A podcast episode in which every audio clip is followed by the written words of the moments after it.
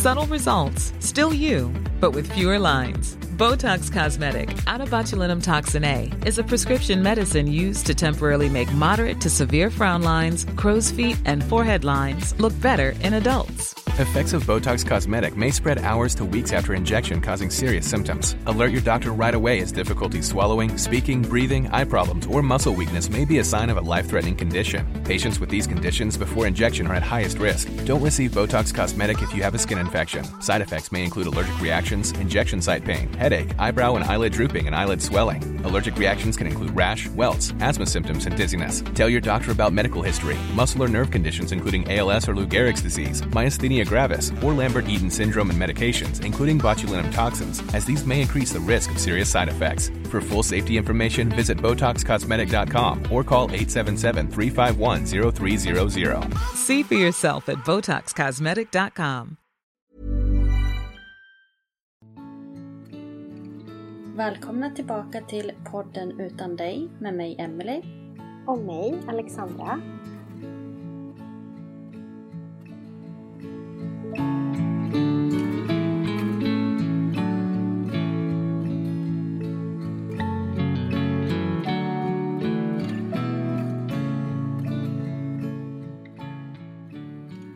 Idag har vi med oss en mamma som heter Maria. Och du ska få vara med i ett avsnitt här i våran podd och dela med dig av din son Kevin. Yes. Och idag när vi spelar in så är det den 26 oktober. Och vi har ju på något vis lyckats boka in just det här datumet som är dödsdagen som han somnade in på för sju år sedan idag. Mm. Mm. Och vi pratade lite om det innan vi startade här nu och det kanske är något slags spökeri i bakgrunden och någon mening med det. Så väljer i alla fall Ja, jag verkligen. att ta det. Mm. Men Kevin blev tio år och han hade, som jag förstod det, flera diagnoser, men sjukdomen som han dog var, var Cellevägs spektrumsyndrom. Stämmer bra. Det är det du ska få berätta mer om nu. Yes. Eh, nu ska ni få höra en berättelse om min älskade son Kevin. Dagen detta avsnitt spelas in är det exakt sju år sedan han lämnade oss alla och det var den värsta dagen i mitt liv. Det här är en hyllning till dig min krigare. Kevin föddes den 13 augusti 2005. Han var som alla andra bebisar, men när han inte kunde sitta själv när han fyllde ett år så började de på BVC att misstänka att det kanske låg något bakom det. De skickar då en remiss till barnmottagningen. I februari 2007 fick vi komma dit och där såg läkarna att han låg efter i utvecklingen och hade låg muskeltonus i kroppen. De tog en massa blodprover och sen tog det någon månad innan vi fick reda på att han hade en extra arm på korta armen på kromosom 18 och så fick han diagnosen partiell triosemi för kromosom 18p. Känslorna var blandade och vi hade så många funderingar på vad denna in- diagnos innebar. Men det fanns inte så mycket information om den, så vi fick inte veta så mycket. Men i detta läge så blev vi inskrivna på habiliteringen för att få hjälp med att få honom att börja sitta och lära sig att gå. Kevin fick även börja med bassängträning för att förstärka hans muskler och hans balans. Efter mycket träning hemma och på förskolan så började han till slut att gå. Han utvecklas i sin egen takt och talet kommer igång och han använder även lite tecken som stöd. Han kan ändå gå på förskolan och personalen var helt underbara som hjälpte honom att utvecklas och han älskade att vara där. Han är vid den här tidpunkten en glad och aktiv kille som älskar att vara ute, leka med dockor, leka doktor och älskar musik. Vi brukade säga att han är vår lilla Winnerbäck och han hade en mikrofon och en gitarr och så stod han framför vår TV där det spelades en konsert med honom. Denna gitarr har även fått följa med honom ner i graven. Den pryder även min arm som en minnestatuering.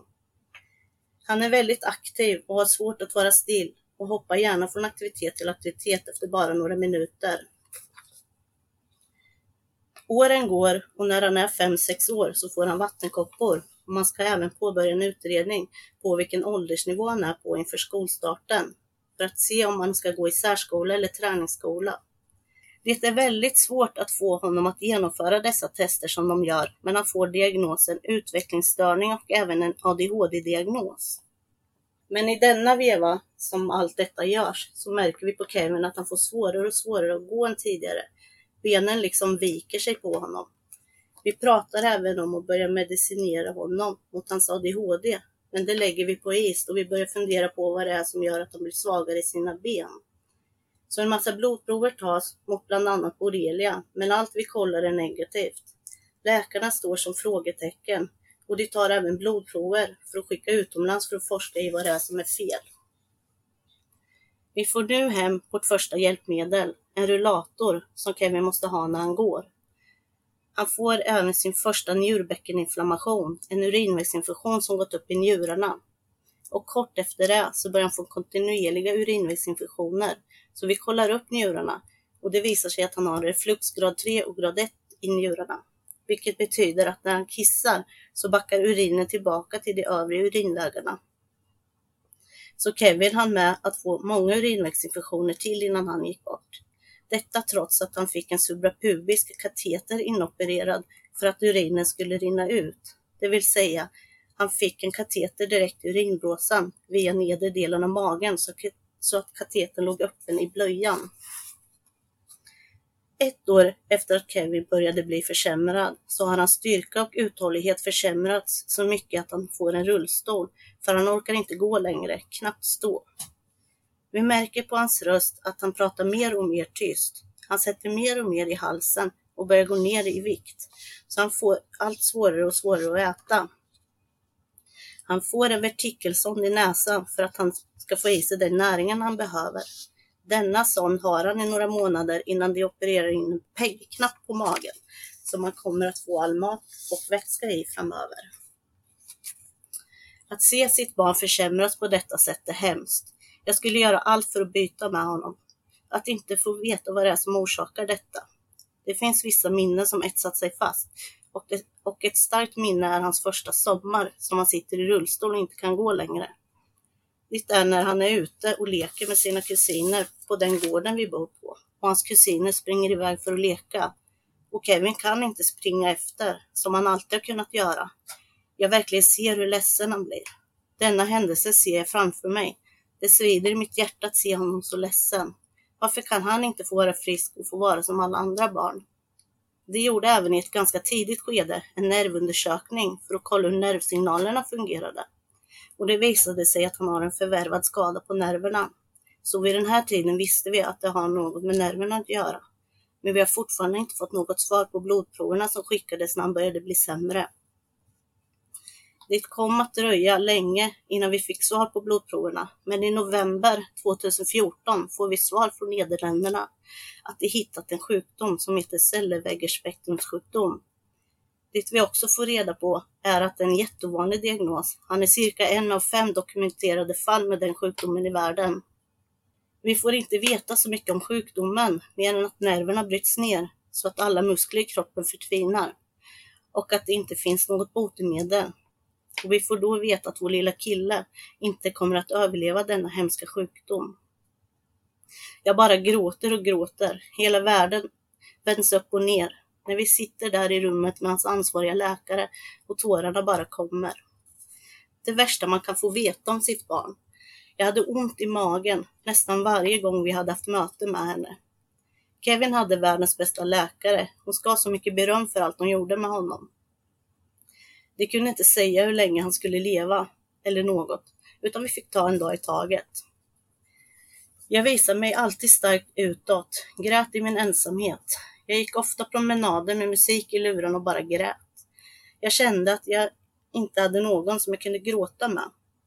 Vi fick även vid, ett av dessa möten med hans läkare bestämma om han skulle läggas i respirator, om han skulle bli så pass dålig, eller om han skulle göra HLR på honom. Vi sa nej till detta då vi inte ville riskera att han ändå inte skulle vakna ur respiratorn. Det var vad som kändes rätt för oss just då. Vi ska inte behöva sitta och bestämma sådana här saker om vårt barn. Det är helt overkligt, men ett måste. Vi kunde inte förstå att vårt barn skulle dö. Ett barn ska inte dö, inte före sina föräldrar. Vi ska inte behöva begrava vårt barn. Dessa är bara några av många tuffa beslut som vi var tvungna att ta under resans gång. Efter att Kevin blivit sämre så försökte vi att fortsätta leva som vanligt så att han kunde få gå i skolan och att vi skulle fortsätta att resa utomlands en gång per år som vi alltid har gjort sedan han var bebis. Det var viktigt att han fick njuta av livet även om han var sjuk. Jag kommer ihåg vår näst sista resa som gick till Thailand 2011 då han precis hade fått sin suprapubiska kateter och vi visste ingenting om den i stort sett. Vi visste inte att vi skulle spola den för att det inte skulle bli stopp. Dagen innan det var dags att åka hem, efter tre veckor i värmen, så märkte vi att han kissade sämre. Och tidigt på morgonen samma dag som vi skulle åka hem, när vi vaknade så var det torrt i blöjan. Vi försökte få katetern att rinna, men vi lyckades inte. Vi satte oss på bussen som skulle ta oss till flygplatsen och Kevin börjar bli orolig och ledsen och vi märker att han är svullen om magen. Så vi förstår ju, han är ju jättekissnödig.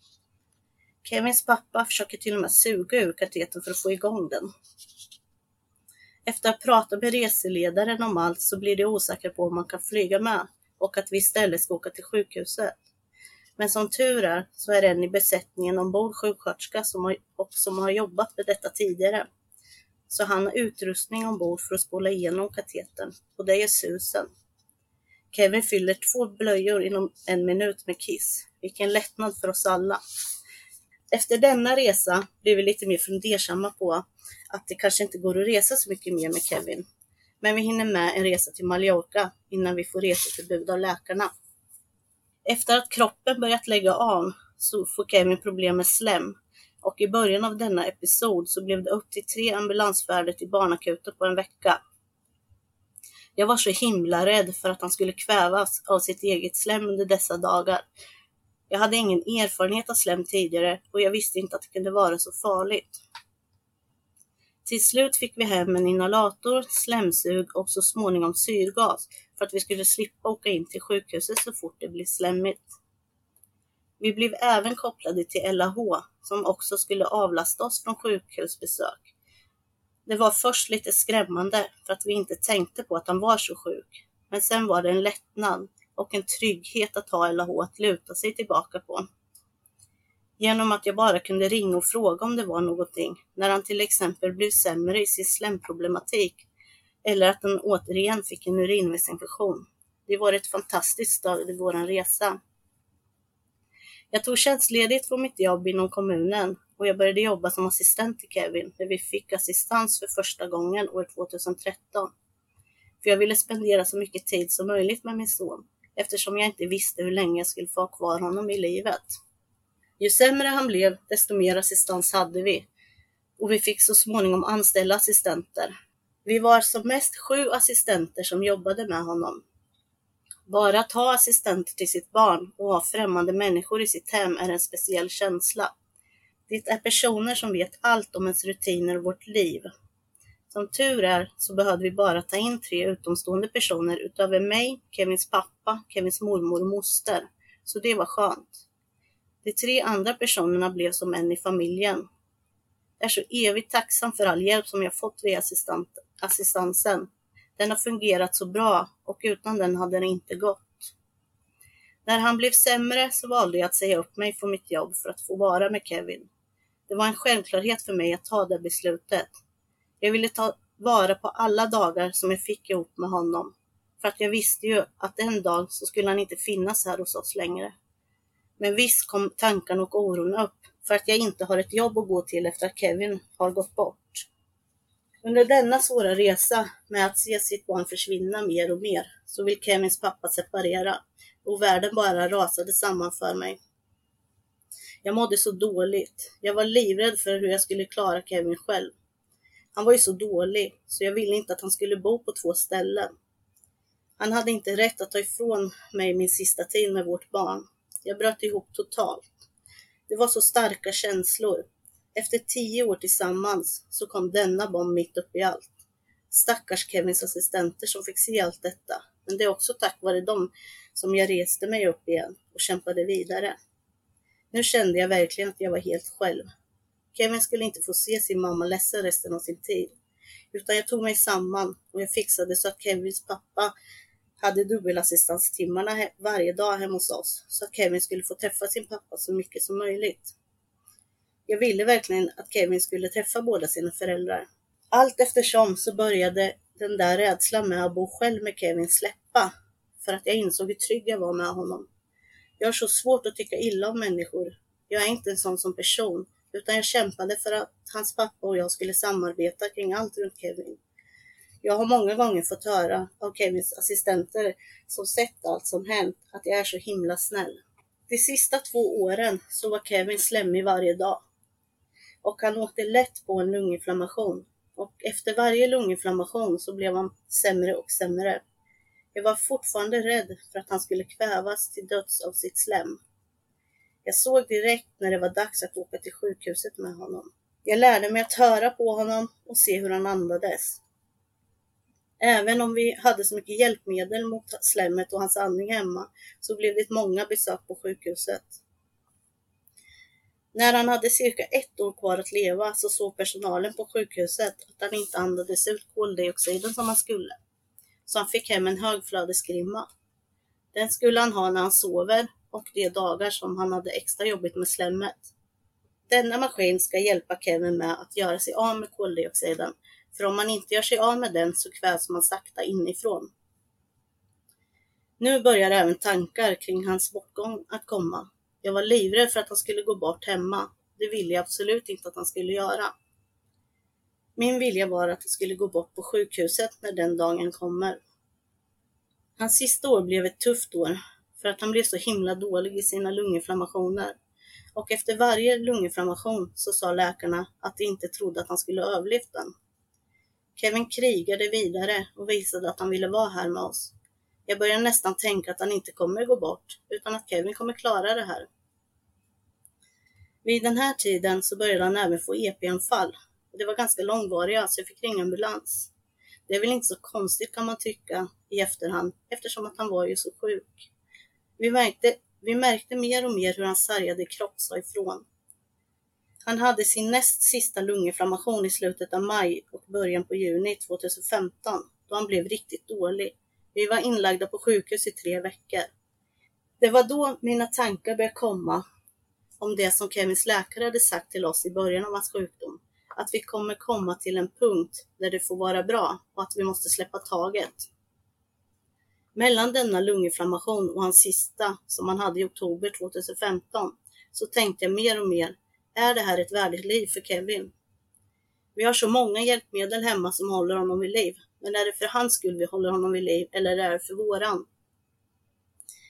Vi har gjort allt vi kan som föräldrar för att få ha våran son här hos oss. Men hur mycket ska han behöva lida? Jag mådde dåligt för att jag hade dessa tankar. Jag kände verkligen att att han inte skulle behöva lida mer. Han blev ju bara sämre och sämre. Vi såg att han förstår oss via hans ögon men han är instängd i sin egen kropp.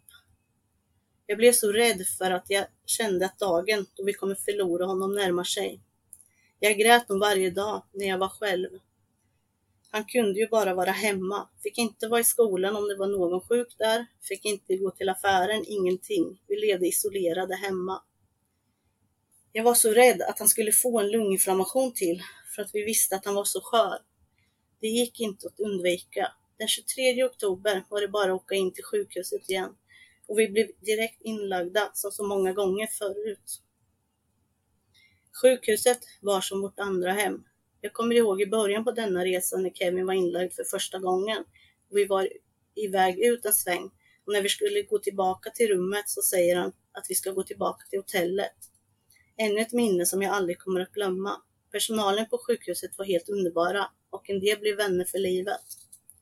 Den 24 oktober så kommer jag ihåg att Kevin sjönk i syresättningen och vi skulle sätta igång akutlarmet. Men i panik kom jag inte ihåg hur man gjorde, så jag sprang ut till personalrummet och sa han får ingen luft. Jag får panik. Jag kunde inte vara med i rummet, utan hans assistent fick vara med honom tills han blev stabil igen. Jag var så himla rädd för att förlora honom. Jag hade panik i kroppen. Hur ska jag kunna klara ett liv utan mitt barn? Samma sak händer den 25 oktober och han sjunker i syresättningen och vi akutlarmar och denna gång vågar jag stanna kvar i rummet. Men skillnaden från dagen innan så blir han inte sig själv igen. Han vaknar inte riktigt upp efter det.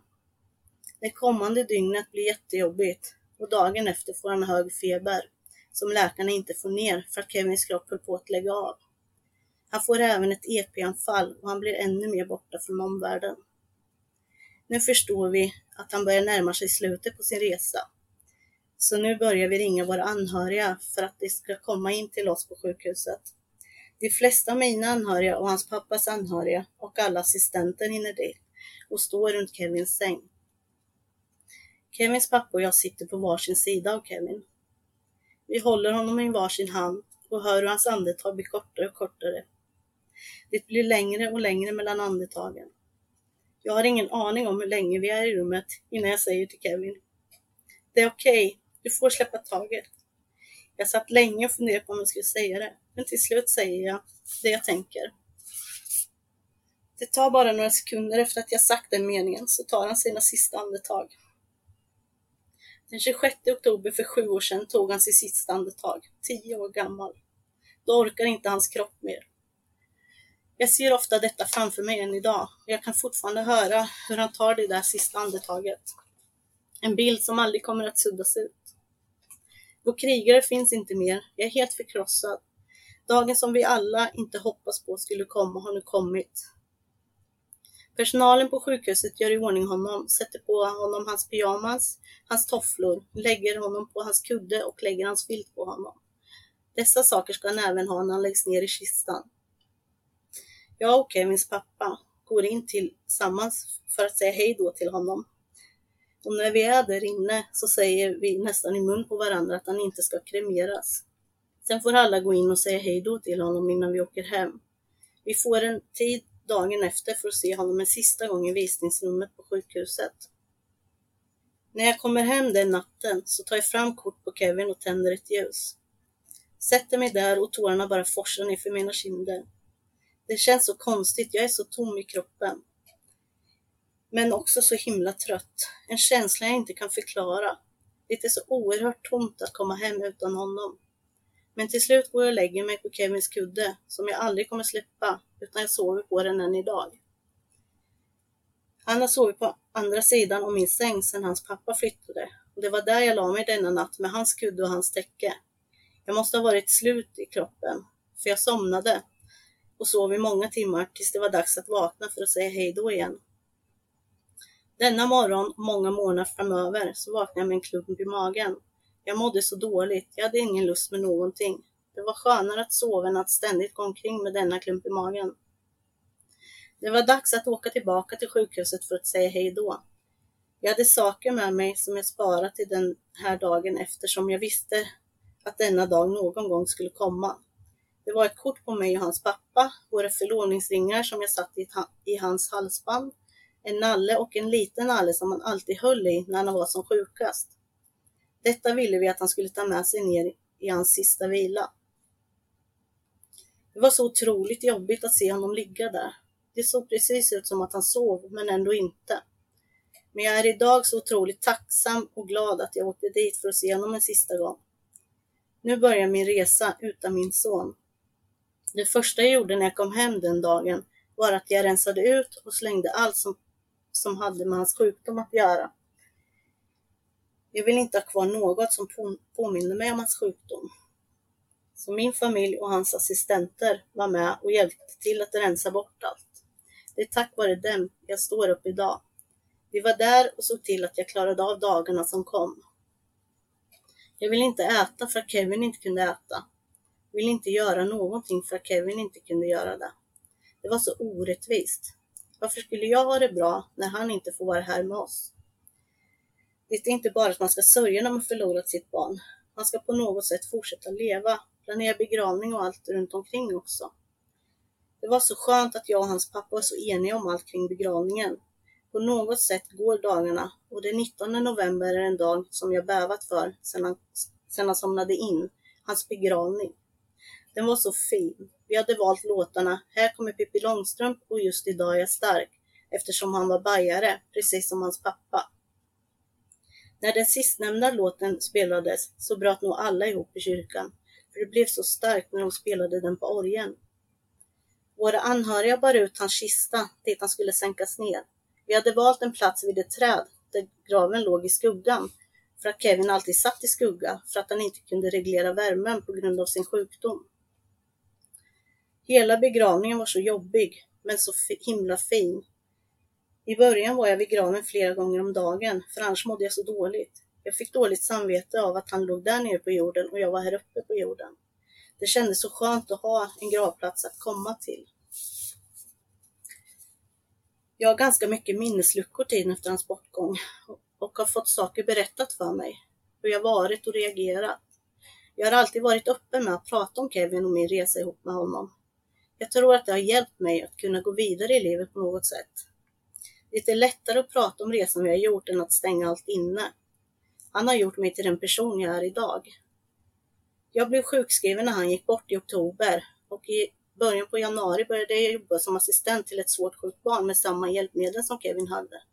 Det är ganska tidigt att börja jobba då, men jag vet inte om det har hjälpt mig på vägen och mitt sätt att sörja.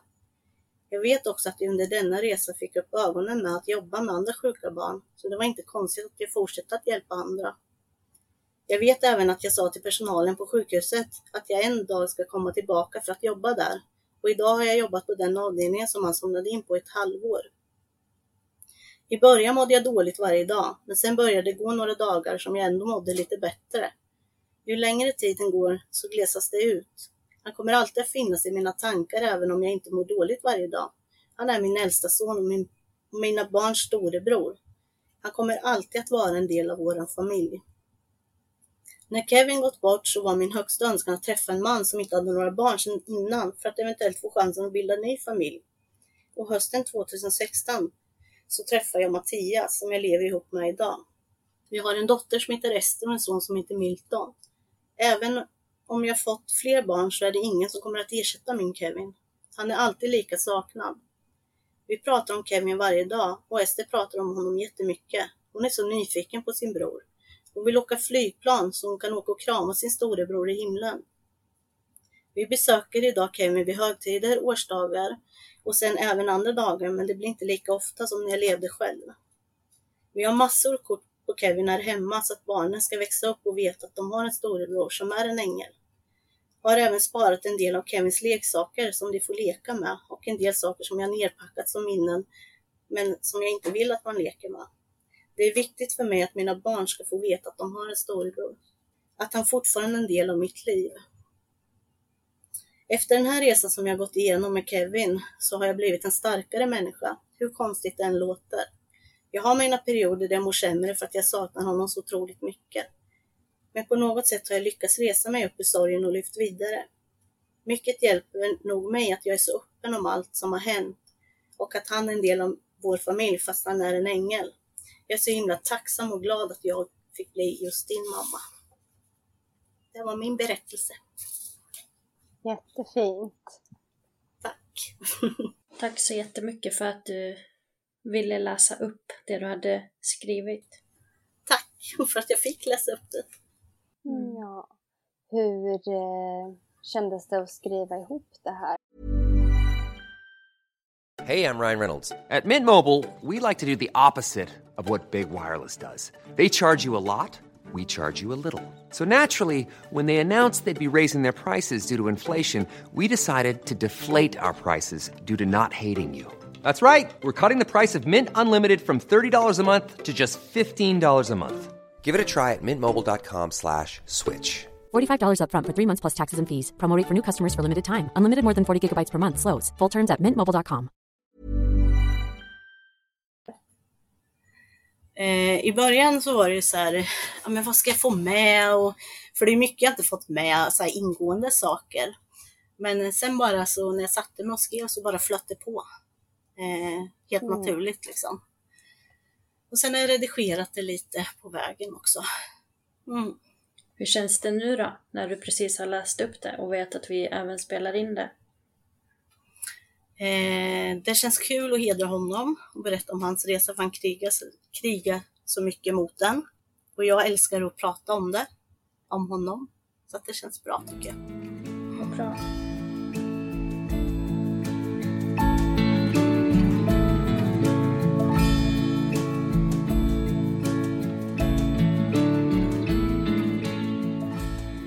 Vi har ju några frågor som vi tänkte om det är okej att vi ställer till dig. Det går jättebra. Och jag funderade lite på, du nämnde ju det lite grann, men förstod Kevin liksom hur sjuk han var? Alltså alla runt omkring som har träffat Kevin och även jag såg i hans ögon att han förstod när man pratade med honom och så. Skojar man med honom så spärrade han upp ögonen. Man fick även se tårar när det var jobbigt. Eh, så att vi tror att han förstod ganska mycket. Att han var liksom låst i sin kropp. Drog någon, någon ett skämt till exempel så eh, kunde det ta ett tag innan han reagerade men man såg att han tyckte det var roligt. Så, så vi tror han förstod mer än vad vi trodde. Men innan han blev så pass sjuk, var det så att ni behövde trösta han för att han till exempel inte kunde gå längre och så? Eh, som jag berättade med rullstolen i början där, eh, då fick vi trösta mycket och jag vet att vi även köpte en elbil för att han skulle kunna åka efter sina kusiner och sådär. Så man eh, fick ju verkligen trösta honom då i början. Eh, och det var jättejobbigt att se. Liksom han ville men kunde inte för att hans ben inte höll uppe honom. Liksom. Ja, usch. Ja, ja fy, det känns ju jättetufft att behöva se det Ja. och göra det. Ja. Ja, verkligen. Om man bara verkligen ser det liksom att han, ja men som sommaren innan vill springa och leka med dem och, och han inte kan. Nej fy, det är hemskt. ja, och så just när de är så medvetna om det. Precis, det är ju skillnad om man kanske är född med sjukdomen och man inte vet något annat. Eh, Men här har ju han liksom levt ett ganska normalt liv. Kunnat gå och leka och prata och, och sen bara inte kunna göra det helt plötsligt. Nej fy, det måste varit hemskt för honom. Pratade han um, alltså mycket funderingar och så kring just det? Att varför kan jag inte det här längre mamma? Och, och så, Eh, eller hur? Inte vad jag kommer ihåg. Jag tror inte han var, alltså, kunde förmedla det här med sin första sjukdom riktigt på det sättet. Utan att han mer berättade att han ville gå iväg och så när vi sa att det inte gick, liksom, då blev han ledsen och började gråta. Mm. Men hänger de här sjukdomarna ihop med varandra? Nej, det tror jag inte. Det är nog bara en slump att han fick den här första diagnosen. Okej. När ni fick hans diagnos, fick ni då någon prognos om hur gamla barn brukar bli med den här sjukdomen? Nej, vi fick inte reda på något sånt. Utan eh, typ att vi skulle ta en dag i taget och, och så. Så att vi hade inget att gå efter överhuvudtaget. Och det var det som var så himla jobbigt också. För det kunde ju inte vara fem år, det kunde ju vara tio år. Så det var jättejobbigt att inte veta någonting. Hur tacklade ni det? Ja, man blev ju helt förkrossad. Jag var ju jätteledsen. Och det blev en, alltså som det här med att jag sa upp mig från jobbet och där. Det blev en, nog automatiskt att jag gjorde det för att jag ville vara med honom varenda minut nästan. Just för att man visste att man inte kunde veta hur länge han hade kvar. Så man var nog Men mest ledsen ni- och så. Ja. Men hade ni också något eh, samtalsstöd och sådär som ni kunde prata med samtidigt eller? Hur Eh, vi var såg det ut för er? Vi blev erbjudna eh, personal att prata med vid habiliteringen som vi var inkopplade till. Eh, De hade ju kurator och så som vi kunde prata med. Eh, I början sa vi, sa vi nej båda två, men sen i slutet så gick jag faktiskt och pratade. Eh, Och kände att det var nödvändigt. Och det har hjälpt mig mycket på vägen nu efteråt också, när jag går tillbaka till dem och pratat. Man behöver nog det här med att prata med en utomstående som inte är med på resan liksom. Hur var det med alla hjälpmedel? För du berättade ju där att han hade många olika slags hjälpmedel. Ville Ja. han ha dem? Eller var det liksom att Tyckte han att de var i vägen och så eller märkte han att han mådde bättre av dem? Alltså i början när han, var, när han kunde använda armar och så, när vi fick hem inhalatorerna där, så höll han ju den själv och andades sig. Så det har aldrig varit något motstånd så ifrån honom, eh, vad vi har upplevt det. Utan han har tagit emot, för jag tror att det, han känner att det har hjälpt honom. Liksom. Om man har haft svårt att andas, han får den här extra pushen av syrgas. Och, för man har sett på honom att får han syrgasen och han är extra slemmig och så, så blir han liksom lugnare. För han kunde sitta och gnälla annars, när han inte mådde bra. Men fick han något som hjälpte honom så vart han lugn. Så det är ändå en trygghet som förälder att se att vi gör rätt för honom. Var du oftast positivt inställd till alla hjälpmedel? Det har varit lite upp och ner. Eh, I början med inhalator till exempel. Han hade ju förkylningsastma som liten ettåring.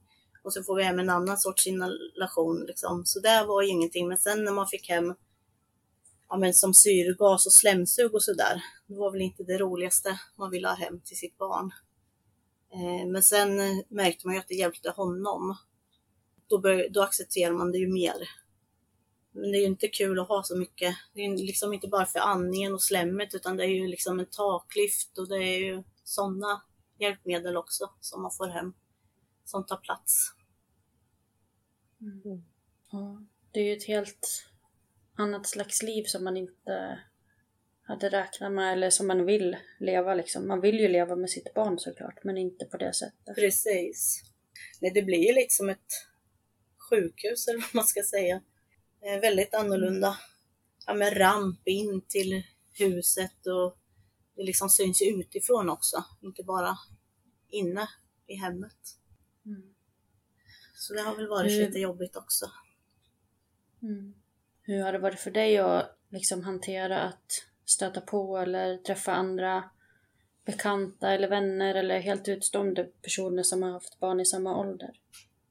Det men som nu när jag jobbar på sjukhus och det kommer in någon som är född 05 till exempel. Eh, då Kevin, det året som Kevin föddes, då går ju tankarna mycket kring hur skulle han vara om han var frisk? Eh, och sådär. Men att träffa någon som är tio år till exempel, det har inte varit så jättejobbigt, tycker inte jag. Den tjejen jag började jobba med efter han hade gått bort var ju exakt lika gammal som Kevin. Mm. Så att, eh, nej, det har jag inte haft jobbigt med. Mer är ju när jag träffar någon som är född 05, för då går tankarna mer kring hur han skulle ha varit och så. Om man var här och var frisk. Om vi eh, spinner vidare lite på, på det så hur är det att leva med en partner eh, som inte har träffat Kevin? Eh, jag får ofta höra om Mattias att han önskar att han hade fått träffa Kevin. Eh, och det förstår jag för att en stor del av mitt liv är ju liksom Kevin. Och jag önskar så mycket att han hade hunnit träffa honom, att vi hade träffats tidigare. Mm. Eh, det är en speciell känsla för att han förstår ju inte riktigt hur jag har levt det, in, alltså levt mitt liv innan. Eh, så man får ju berätta mycket. Ja, det är en speciell känsla faktiskt, måste jag säga. Mm. Ställer han mycket frågor och så? Eh, han frågar väldigt mycket frågor och han, det är han som ibland tjatar. Nu var det länge sedan vi var vid graven, nu måste vi åka och hälsa på Kevin. Eh, så han är ju väldigt med i mitt liv med Kevin fast han inte har träffat honom. Mm. Eh, så det är jag jätteglad över att han är så pass nyfiken på honom. Det kunde ju lika gärna varit tvärtom, att han tyckte det var jättejobbigt. Så. Exakt. Ja, det måste ju betyda massor för dig. Ja, det gör det. Faktiskt. Och just det här, nu när Ester är i den åldern och hon börjar med sina funderingar och grejer. Då är det jättebra att han verkligen vill också förklara och så. Att han är en ängel och varför och så. Så det är jätteskönt mm. att han är så pass intresserad och involverad fast han inte har träffat honom. Hur gamla är de andra barnen nu? Ester blir fyra i januari eh, och Milton blir ett och ett halvt nu i november. Mm. Ja, så Ester är ju verkligen i den här åldern där hon är nyfiken på varför han är en ängel och hon vill så gärna träffa honom och ja, mm. sådär. Ja. Idag är det årsdagen på hans eh, bort, eller när han blev en ängel. Så då åkte vi till, till kyrkogården och då skulle hon ju prompt välja en ros, eller en gul ros hon skulle sätta hos sin storebror. Så att hon är väldigt så här, mån om honom. Och säger att hon saknar honom och klappar på kortet vi har på gravstenen och sådär. Mm. Är det alltid liksom självklart för dig vad du ska svara och hur du ska hantera frågor om Kevin när de andra Eh, barnen frågar? Ja, det, alltså jag försöker förklara så tydligt det går om vad som har hänt, att, att han var sjuk och, och sådär. Det är en självklarhet att säga exakt vad som har hänt till eh, Ester när hon frågar. För hon har inte kommit in på djupet så mycket om hur det har gått till och sådär. Utan det är mer varför han är en ängel och då säger man ju att han var sjuk liksom och sådär. Eh, och förklarar så gott man kan. Så att hon ska förstå på hennes nivå. Men sen kan jag ju tänka mig att hon blir äldre sen så kanske hon frågar mer ingående på vad det verkligen är som har hänt och sådär. Just det. Hur, har du liksom funderat i förväg hur, du, hur ingående du ska svara på sånt? Nej, det har jag faktiskt inte gjort. Eh, Jag tänker att jag får ta, får ta det när det kommer liksom, tänker jag. Mm. Att man får förklara att han hade en sjukdom som, ja, hur den orsakar hans döds, sin, eller hans dödsorsak liksom. Tänker jag. När personer som du inte känner frågar dig hur många barn du har, Mm. vad brukar du svara då? Då säger jag att jag har två barn och ett änglabarn, säger jag alltid. Mm. Och då blir de så här, änglabarn? Ja, jag har ett barn uppe i himlen, säger jag då. Och ibland så fortsätter de då att prata vidare och ibland så vet de inte vad de ska säga. Men jag säger alltid två barn och sen ett änglabarn. Jag funderade lite också på, för du berättade ju där att ni fick frågan om HLR och respirator. Mm. Har du känt liksom att ni har behövt så argumentera eh, till omgivningen varför ni valde bort det? Nej, det har vi faktiskt inte upplevt. Det är nog ingen som har frågat det. Så det är jätteskönt Mm. faktiskt. Det är inget lätt beslut att ta eh, faktiskt. För vad är rätt och fel egentligen? Mm. Men det var just att vi kände att ska han ligga där och sen vaknar inte han upp, då blir det i alla fall att man får säga, ja, det var ett jättesvårt beslut. Jag tror också att det är svårt för omgivningen att förstå hur man kan ta sådana beslut. Ja, det När tror man jag. inte har ett så sjukt barn. Precis. De kan nog inte sätta sig in i det. Det tror jag inte. Men nu jobbar du inom vården Yes. och eh, till och med på den avdelningen där Kevin tog sitt sista andetag. Ja, det gör jag. Hur är det? Ja, jag vet inte.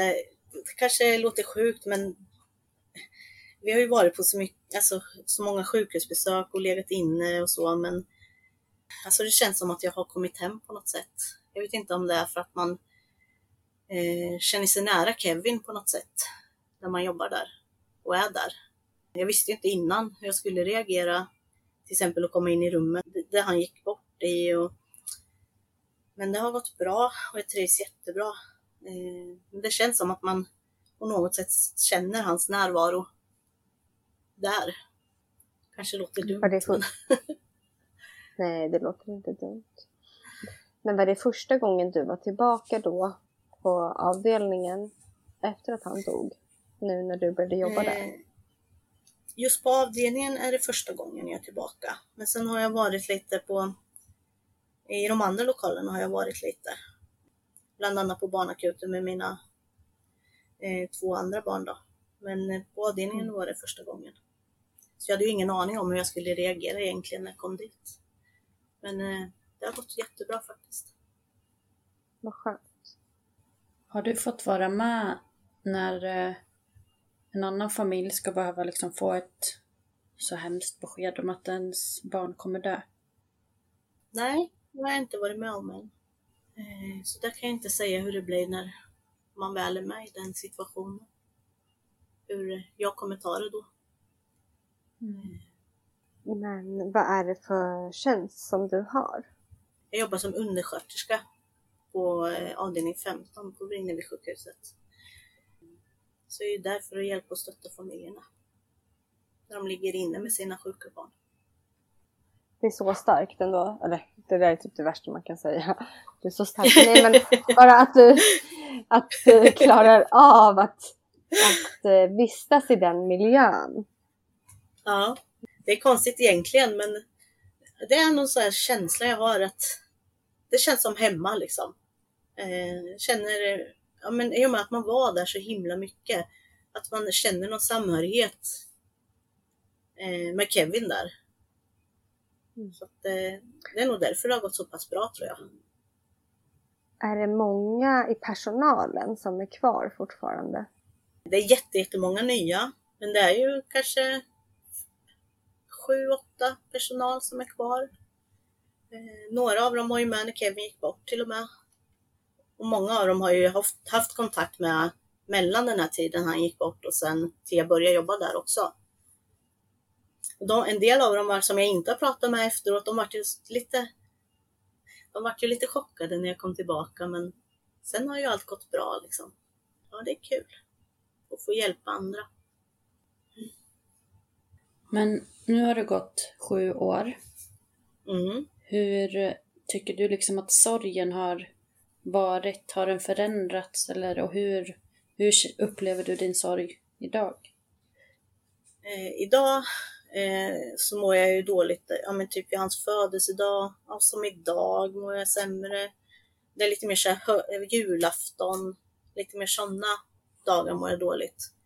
Men annars så flyter livet på liksom. Men just vid sådana dagar så stannar man upp och tänker till och fäller en liten tår liksom, för att han är ju så himla saknad. Trots att åren går liksom. Och nu när du ändå nämner jul och födelsedagar och så. Är Mm. det någonting särskilt som ni brukar göra för Kevin vid de här speciella Eh, dagarna? När han fyller år så åker vi ju, alltså alla de här högtiderna, så åker vi alltid till graven. Eh, när han fyller år så brukar vi köpa någon, lite god fika och fika och tänka lite extra så på honom. Eh, och julafton och så börjar vi alltid morgonen med att åka till honom och tänder ett ljus och tänker lite extra mycket på honom. Så att det blir alltid ett besök vid graven. Eh, så att han inte blir glömd. Så det känns skönt att ha en grav att gå till, tycker jag. Ja. Var det en självklarhet för er? Att ni skulle ha en Det var en, ja, det var det. Eh, för både hans pappa och jag. Det var nog inga andra diskussioner om något annat. Utan det var nog en självklarhet. Och det är jag otroligt glad över att vi valde faktiskt. Det hade nog inte, vi hade nog inte tyckt det var samma sak med minneslunden eller så. Var det så att ni började liksom prata om det redan innan Kevin dog? Nej, vi pratade inte så mycket om Kevin, att han skulle gå bort, utan för att det var nog för att vi var på lite olika plan, hans pappa och jag. Jag var mer inställd på att den dagen kommer komma och hans pappa förnekade lite. Så då blev det inte att vi pratade så om det faktiskt, utan det blev just när han hade gått bort. Eh, att vi tog upp sådana frågor. Mm. Är det någonting som du känner att du har saknat efter att Kevin dog? i början när han gick bort så saknade man ju det här med att få vara mamma. Att ha någon som ser en som mamma, alltså levande person. Eh, det har väl mer sen jag fick dem, Ester och Milton, att det liksom att man inte har tänkt så längre då, för då, har jag ju, då är jag ju mamma med två levande barn.